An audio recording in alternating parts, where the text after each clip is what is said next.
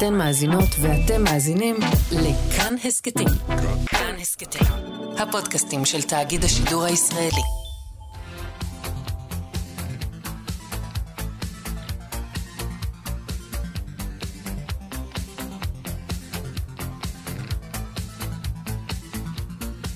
חלון גאווה עם איציק יושע.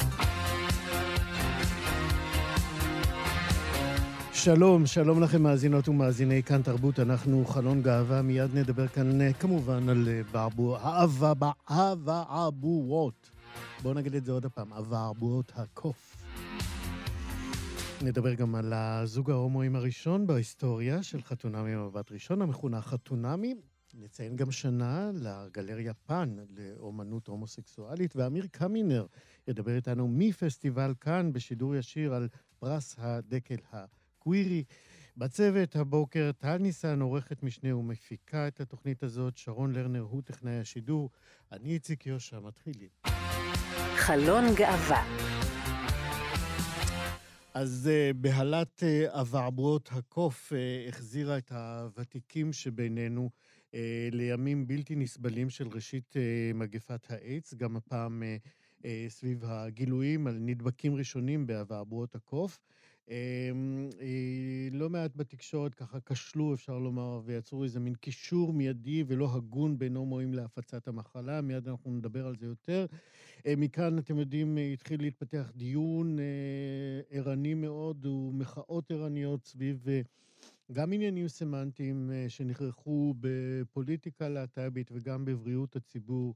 אה, הדוקטור רועי צוקר הוא מומחה למחלות זיהומיות והוא מנהל תחום רפואת להט"ב בשירותי בריאות כללית ובבית החולים איכילוב, ואיתו נדבר על כל אלה. שלום, דוקטור צוקר.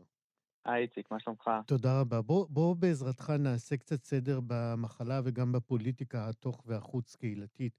אה, נגיד רק אה, שאתה גם השתתפת בישיבה של צוות הטיפול במגפות במשרד הבריאות, נכון? נכון.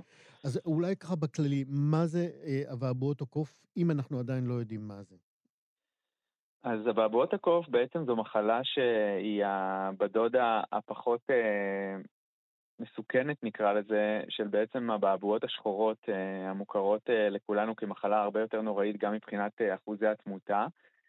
אה, ואנחנו מכירים את המחלה הזאת, את מחלת אבעבועות הקוף, עוד אה, היא התגלתה לראשונה ב-1958, אה, בקופים, למרות שהמקור שלה, וכנראה היא מגיעה במקור בכלל ממכרסמים, ובשנת 1970 אה, התגלה המקרה הראשון בעולם אה, שהגיע לבני אדם בעצם, ומאז אנחנו רואים את המחלה הזו בעיקר באפריקה, ויש שני, שני סוגים, אחד זה מערב אפריקה, אחד באזור קונגו, ואחוזי תמותה שלהם הם קצת שונים. ומאז כל פעם ככה יש עוד מקרה ועוד מקרה שקורה בעולם, גם בשנת 2018, בשנת 2003, אבל כרגע אנחנו בעצם עדים אה, להתפרצות של המחלה, שהיא התפרצות של מעל 90 מקרים אה, כרגע באירופה, ולכן ארגון הבריאות העולמי והמרכז למחלה, בעצם בקרת מחלות ומניעתן, קצת אה, דואג ומתחיל אה, לשים על זה את העין אה, בגדול. המחלה עצמה היא מחלה די קלה, היא יותר קלה מהבעבועות שחורות זה בטוח, והיא בער, היא גורמת לאיזשהו מצב שבו אה, כמה ימים אחרי ההדבקה אנשים עלולים להרגיש חום, קצת כאבי ראש, ומספר ימים לאחר מכן יש הופעה של פריחה, שבדרך כלל מתחילה באזור הפנים, איזשהו נגע עורי או מספר נגעים, אה, ואחר כך עלול להתפשט לשאר אזורי הגוף. אה, מאוד, אה, נראה מאוד לא יפה בעיקר, לא אסתטי, אבל רוב הפעמים זה פשוט חולף מאליו. על זה אתה אומר לא יפה, אבל לא נורא, כי הרפואה בעצם יודעת להתמודד עם הוואבועות האלה, נכון? נכון, האמת שפה הפתרון הוא בדרך כלל הזמן, אבל כן יש לנו היום טיפולים אנטי-ויראליים שבהחלט עלולים במקרים יותר קשים התרופות האלה בהחלט יכולות לעזור, אה, ובנוסף צריך לזכור שיש לנו חיסון, והחיסון, מה שטוב בחיסון, שהוא בעצם החיסון לאבעבועות השחורות, אבל הוא גם יעיל לאבעבועות הקוף, זה שאפשר לתת אותו גם אחרי חשיפה, זאת אומרת, כן. גם לאנשים שכבר נחשפו, אז זהו, אנחנו יודעים על חשיפה. אנחנו צריכים לקצ... לקצר, אבל כן. אנחנו יודעים עכשיו על המחלה, אנחנו בעניין של למה, ב... למה אה, הייתה התקוממות מאוד גדולה, על השיוך המיידי לכך ששמונה או כמה נדבקים הם גברים שמקיימים יחסי מין עם גברים, וכבר אמרתי איזושהי הגדרה שגם היא בעצמה אולי בעייתית.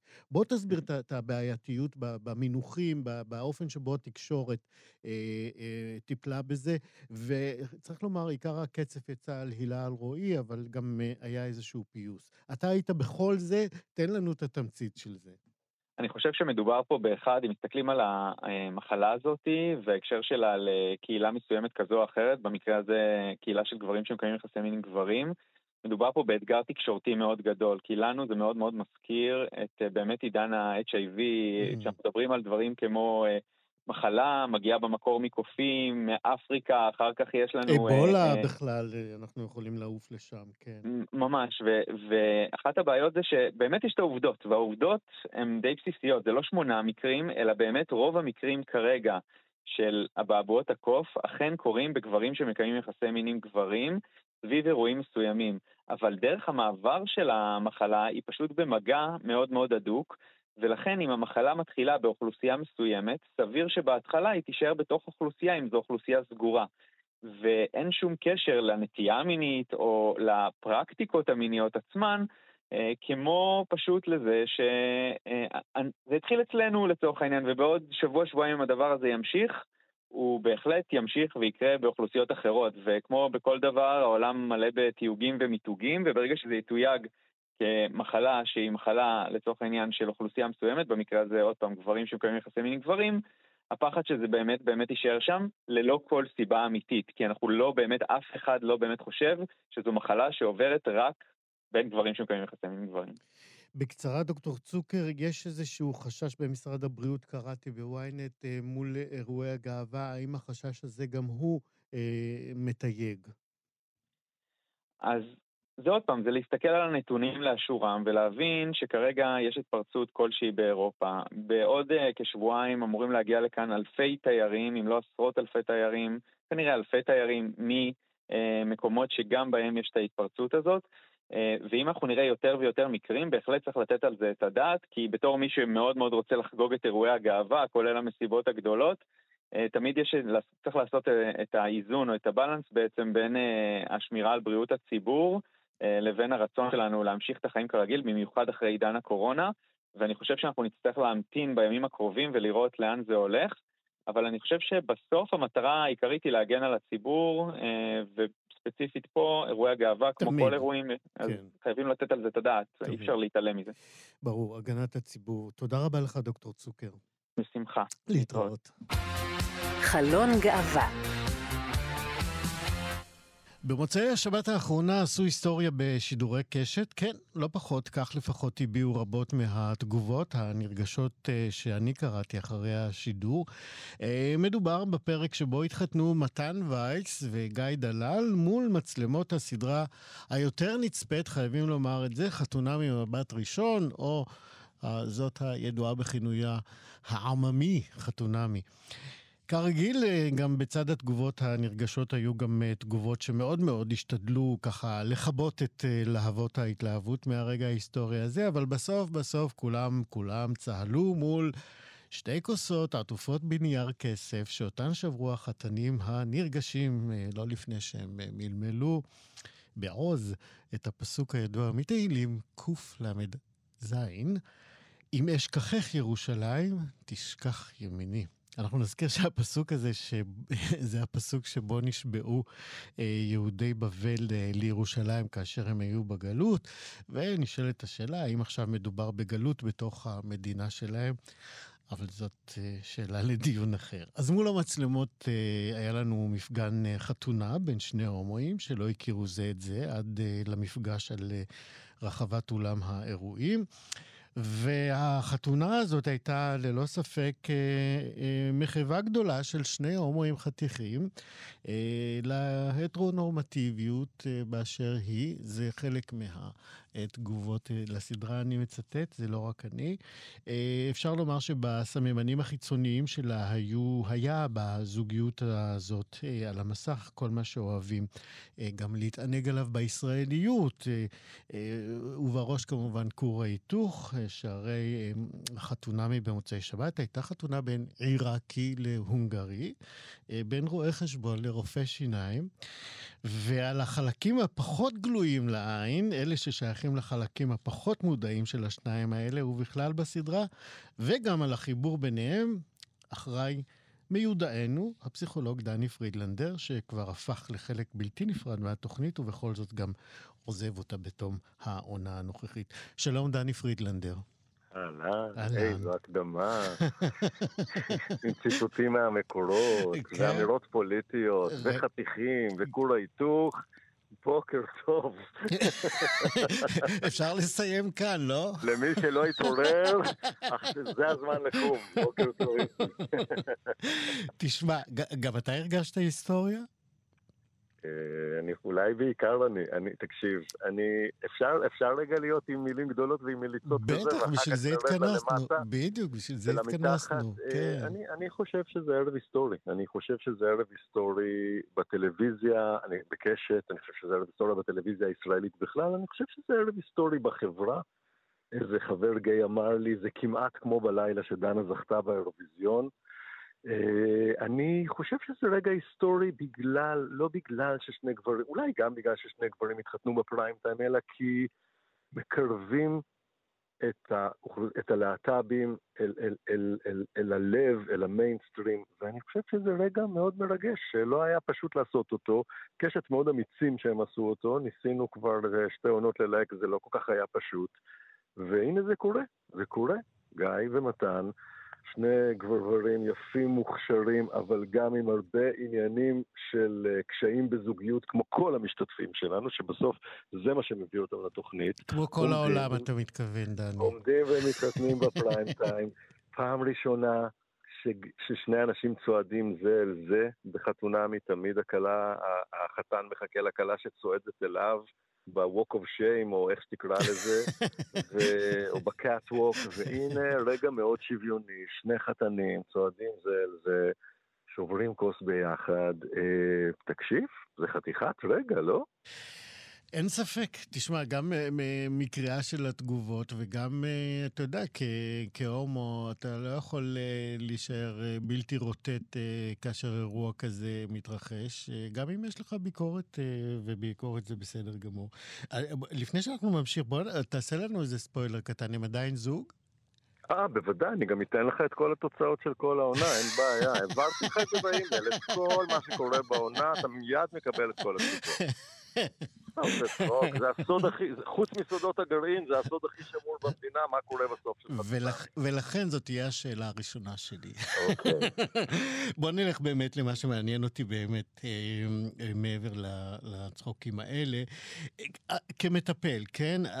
אתה תמיד בעצם מתעניין בחלקים הפחות נאמרים, פחות מדוברים של כן. המטופלים. זאת אומרת, במקרה הזה גם של משתתפי התוכנית.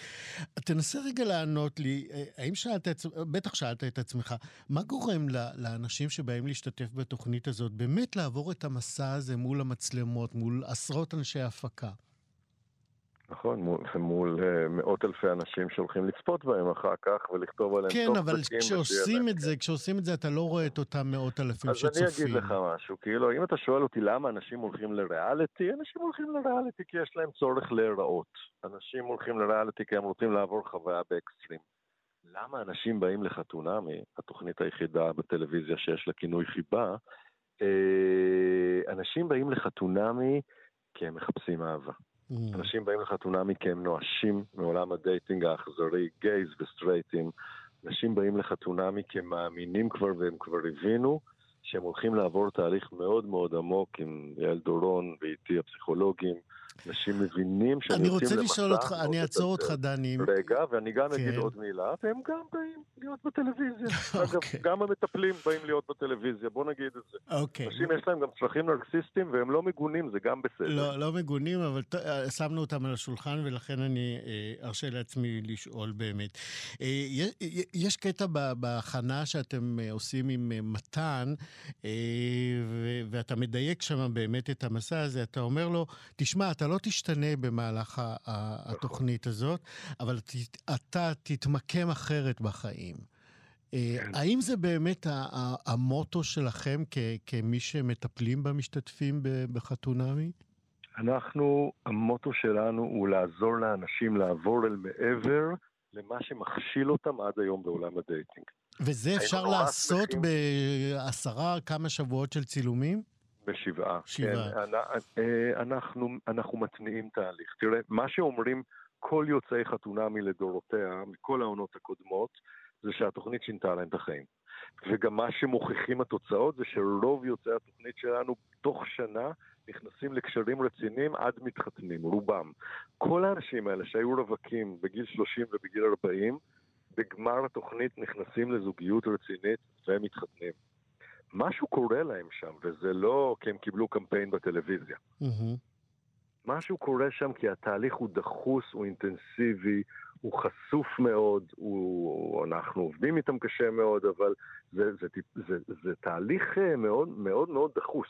לא לגמרי, הטיפול. ו- ואני אני, אני שואל אותך כמטפל שמעורב בתהליך הדחוס הזה, כמה אתה מוטרד לפעמים או מודאג מהיכולת שלהם באמת לעבור את המסע הזה? אני מאוד דואג להם, אני לא מודאג, אני מאוד מאוד דואג להם. גם יעל וגם אני מאוד מאוד invested בדבר הזה שהם עוברים, ולא בלעשות רייטינג ולא בלדאוג שהם יגמרו ביחד. אנחנו נורא נורא רוצים שיישארו לנו זוגות. בינתיים זה קרה רק פעם אחת עם ניר והגר, אבל אנחנו מאוד רוצים לשמור עליהם. התפקיד של יעל ושלי זה גם לשדך אותם, אבל גם מאוד לשמור עליהם, על ה-well-being שלהם, גם אחרי שנגמרת התוכנית והצילומים. ואני מאוד רוצה שיקרה להם משהו משמעותי. זאת נגיד אחת הסיבות שאנחנו גם מאוד רוצים שהם יישארו עד הסוף, גם אם לא הולך להם. אנחנו רוצים שיקרה להם הדבר שלא קרה להם עד היום, אנחנו רוצים, אנחנו תמיד מבקשים מהם to hold on, להישאר, להחזיק מעמד. כן. כי זה הסיפור, הרי מה, מה התוכנית שלנו? התוכנית שלנו היא ניסוי, היא ניסוי חברתי שבודק מה אתה עושה כשמישהו מתאים לך, מישהו שחושב שבעומק הפסיכולוגי יכול לפתור לך איזה קושי עמוק בהתמקמות שלך במערכות יחסים. כן, אני רוצה לשאול אותך, האם אה, יש הבדל בין האופן שבו אתה עבדת, אתם עבדתם על הזיווגים, אה, בין אה, סטרייטים לבין שני גברים הומואים? בכל זאת, זאת הוויה. תגיד לי, בסוף מדובר בבני אדם, אבל בכל זאת, אלה שתי הוויות שונות, אין מה לעשות. לגמרי, ואני חושב שגם אתה וגם אני, ששנינו גייז, אנחנו יודעים שזוגיות הומואית, אני לא אגיד להט"בית עכשיו, זוגיות של שני גברים, כן. כמו זוגיות של שני, שתי נשים, היא אחרת, היא אחרת, מתמודדים עם המון. אישויים. תראה, אנשים שבאים לזוגיות הומואית, מעבר לזה שהם שני גברים, הם גם שני, הם בוגרי הארון, הם אנשים שהיו שנים בארון, הארון מצלק. הארון משאיר, אחד, אני תמיד אומר כמטפל, ואני עובד הרבה עם גייז, שמה שהארון עושה לכולנו, ולא משנה כמה יצאנו מזמן כבר, הוא משאיר אזורי סוד בנפש שלנו. וכשאתה מנסה לעשות זוגיות, גם כשיצאת מהארון, יש אזורים בנפש, הפסיכולוגיה קוראת לזה קפסולייטד, מהמם. אזורים שנמצאים באיזה מין סגורים עמוק עמוק בפנים, שאתה לא יכול לשתף אותם עם אף אחד, גם לא עם בן הזוג שלך. נכון. וזה אני- אני- הקושי הגדול ביותר כן. של אנשים שהם, שהם באים מהמקום הזה של להיות בארון, גם אם הם מחוצה לו. זהו, אני נורא שמח שאתה אומר את הדברים האלה, משום שבאמת חלק גדול מה, מ, מ, מטיפולים אה, שאנשים עוברים, הם באמת ניסיון לפצח או לשבור את המעגל הזה של דפוסים מופנמים שממררים לנו את החיים ואנחנו משחזרים אותם פעם אחרי פעם. אה, ובטח אה, לאנשים שהארון הוא אחת הקפסולות האלה.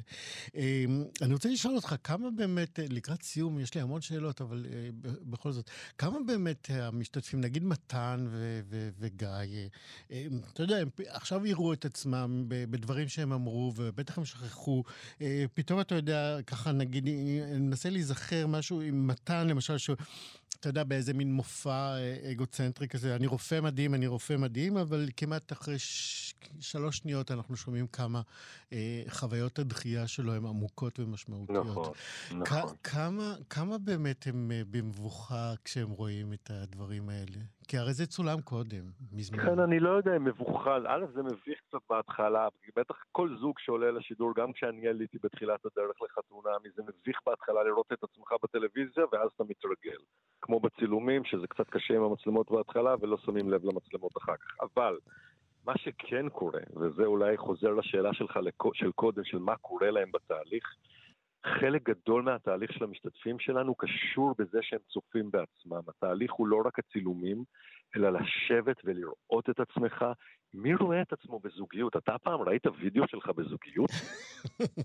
אתה פעם ראית איך אתה רב, איך אתה אוהב, איך אתה נפגע, מצולם, מצולם טוב, בקשת, עם הרבה מוזיקה, עם צילומים מהיפים ביותר. אתה פעם ראית את עצמך? אין ספק שזה קשוח וזה שייך רק לטלוויזיה. זה לא רק קשוח, זה תרפויטי. יש משהו מאוד חזק בלראות את עצמך על המסך. זה חלק גדול מהתהליך שהם עוברים. אז זה לא רק מביך, זה גם מרפא, זה כן, גם מגדל, זה גם... אז באמת מילת המפתח בעניין הזה היא תרפויטי. דני פרידלנדר, הפסיכולוג של חתונמי, אתה נפרדת מהתוכנית בעצם, נכון? נכון, נכון. מה אתה הולך לעשות? אני נפרדתי מהתוכנית כי אני מפתח פורמט חדש שלי, פורמט טיפולי, שהולך עכשיו, בודקים אותו גם בחו"ל וגם בארץ, ואינשאללה, תחזיק לי אצבעות. אנחנו עושים את זה. אחד מערוצי הטלוויזיה יכניסו אותי אליהם עם התוכנית החדשה שלי, ואני מקווה שבעוד זמן אני אוכל להגיד שאני עולה לתוכנית חדשה שהיא שלי. אז אתה מוזמן כבר כאן לספר לנו עליה, והנה הדלת פתוחה. חשבתי שאתה מזמין אותי לעשות אותה בכאן 11, כי אם יש לך מהלכים, אז... לו רק יכולתי להיות הקובע. אבל היה לי נורא כיף לדבר איתך, לא עשינו את זה שנים, והיה נורא כיף. נכון. דני פרידלנדר, אני מאוד מודה לך. תודה רבה ולהתראות. תודה, ביי ביי. חלון גאווה. גלריה פאן היא הגלריה היחידה שחרתה על דגלה קידום של אומנות הומוסקסואלית להט"בית, והיא חוגגת בימים אלה שנה לפעילותה. הפעם הגלריה מתארחת בגלריית המדרגות של אה, מלון הבוטיק אסמבלאז' בתל אביב. מדובר בתערוכה קבוצתית שכוללת 20 אה, אומניות ואומנים להט"בים, והיא תוצג במשך כל חודש הגאווה, או ליתר דיוק, מה-1 ביוני שבו תתקיים הפתיחה החגיגית, ועד ל-30 אה, באותו חודש. הוגה הרעיון להקמת הגלריה הזאת, והוא גם הרוח החיה שמאחוריה, וגם האוצר הקבוע שלה, הוא ארז ביאלר, והוא האורח שלנו עכשיו. שלום, ארז. בוקר טוב, איציק. אה, ברכות אה, ליום הולדת, ויום הולדת שמח בעצם. שנה ראשונה, זה, אתה יודע, זה כבר כניסה יפה להיסטוריה. וזה בעצם אה, תודה שם, רבה. שם את הגלריה כמוסד, לא כאיזה מין אפיזודה. אה, אנחנו מנסים. אה, כן, אחרי שנה שבה הפקנו חמש תערוכות שונות בנושאים שונים, שיתפנו פעולה עם המרכז הגאה ועם רשת מלונות בראון, ועכשיו, לכבוד חגיגות השנה, אני בעצם משתף פעולה עם גלריית המדרגות. של אה, אה, מלון האסמבלאז' ואנחנו אה, עושים שם את התערוכה החל מהראשון לשישי. יפה, אסמבלאז' נגיד זה... התערוכה הזאת ספציפית, כן. התערוכה הזאת ספציפית כוללת בתוכה באמת יותר ממגוון מצבעי הקשת, זאת אומרת הגלריה היא באמת יותר מוקדשת אולי לאומנות ההומוסקסואלית או אומנות הגוף הגברי, אבל הפעם מדובר בגאווה בתל אביב, ויש אצלי בתערוכה אה, הרבה נשים שמציגות, אה, אפילו יצירות לסביות שיש בתערוכה עצמה, כמו היצירה של עירית רבינוביץ', שהיא באמת אמנית נהדרת. והמטרה הייתה לדבר בשפה של המלון. המלון הוא, שנקרא אסמבלאז', זה זרם באומנות, תן לנו משפט על הזרם הזה. אה, הוא נולד בתחילת המאה ה-20, אה, פבלו פיקאסו וג'ורג' ברק התחילו את העניין עם אה, פסלים תלת מימד שהיו תולים על הקיר, שהיו משלבים בתוכם כל מיני חפצים שהם לא יועדו דווקא להיות אומנות. ועשו מהם ביחד, כמו נניח משענת של כיסא או חבל, עשו מהם ביחד יצירה שנחשבה אז ליצירת אומנות, ומתוכה נולד גם הדדאיזם וה... כל מיני זרמים של סוריאליזם נניח חקר אספקטים באסמבלאז' אז בקיצור, אני הבטתי במלון המקסים הנפלא הזה באלנבי, שהוא בנוי ברוח של הזרם הזה, ומעוצב ככה.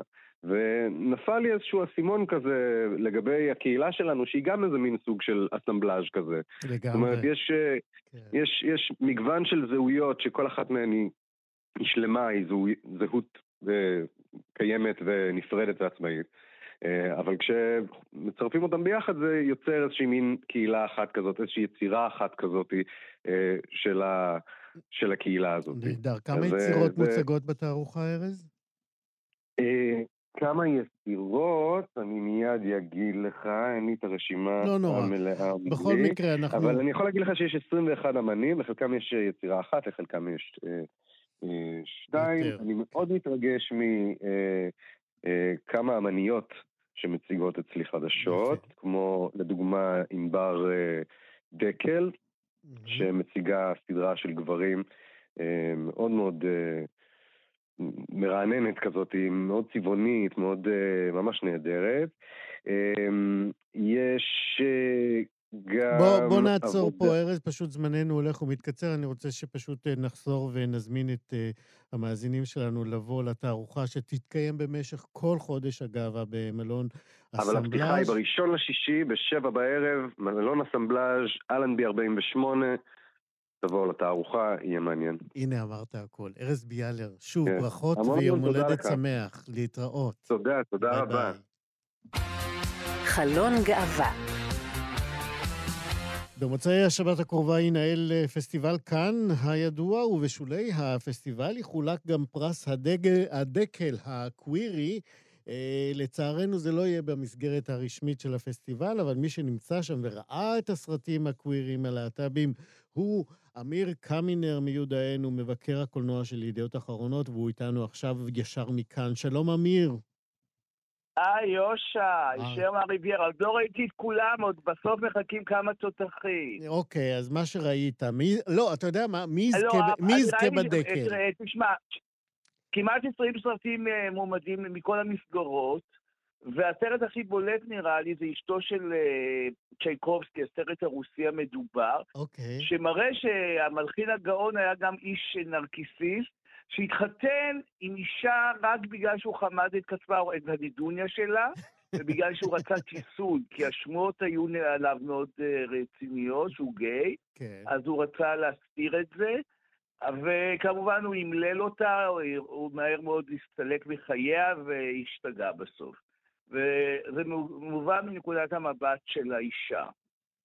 אוקיי, זה על צ'ייקובסקי, מה עוד? ראית?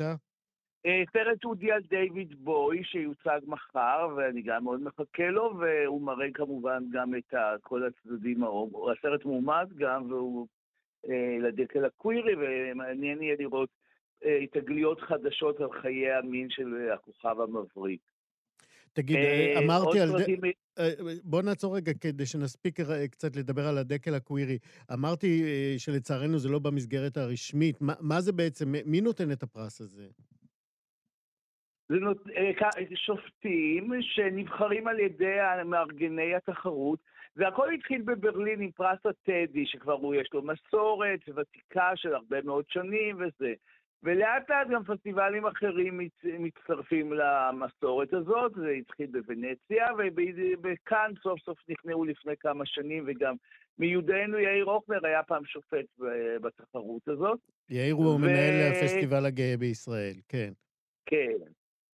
ולכן אה, המסגרת הזאת מקבלת יותר ויותר עוצמה ועניין ומסקרנת, ויותר אנשים אה, נחשפים אליה, מתעניינים בה ושמחים להתמודד בה ולהיות חלק אה, ממנה. אז זהו, אתה לא ראית את הכל, אבל בכל זאת יש לך הימור מי יקבל את הדקל הקווירי? אשתו של צ'ייקובסקי, למרות שכהומואים הקהילה הלהט"בית לא בטוחה. זה סרט, אה, למרות שבמאי שאני לא, אני לא מקווה שאולי אף אחד לא יתבע אותי, אבל הבמאי הוא גם גיי, אבל בארון הוא רוסי, שגלה מארצו עכשיו. אה, זה בסדר. יש שם שדות עירום, לא כלום. שדות עירום מאוד אה, נועזות, של עירום גב- גברי פרונטלי. אוקיי. זה סרט שיגיע לישראל, הוא נקרא על ידי סרטי לב, וכדאי מאוד יהיה לראות אותו, והוא יעורר הרבה עניין. והוא נקרא פשוט צ'ייקובסקי. אשתו של צ'ייקובסקי. אשתו של כן. יפה, אמיר קמינר, לצערי אנחנו צריכים לסיים. אני אה, מקנא בך שאתה שם ורואה את כל הסרטים האלה. מה אתה הולך לראות היום? בסדר, אם תרצה לדעת מי זכה באמת, אז יהיה לנו שיחה נוספת. אני רוצה. אבל אנחנו צריכים להיפרד. מתי מחלקים את זה? במוצאי שבת? אה, בסוף השבוע, אני מניח שביום שישי. אמיר קמינר, מבקר הקולנוע של ידיעות אחרונות על הסרטים הלהט"בים בפסטיבל כאן. תודה, ביי ביי. להתראות.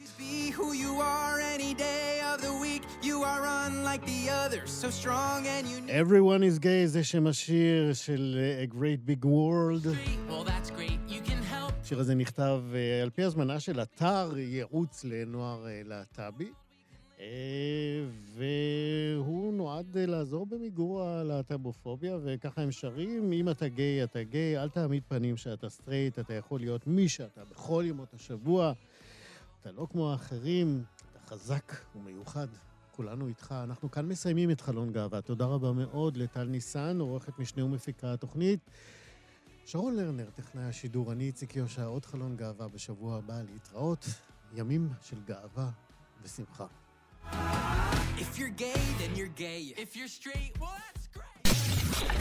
אתן מאזינות ואתם מאזינים לכאן הסכתים. כאן הסכתים, הפודקאסטים של תאגיד השידור הישראלי.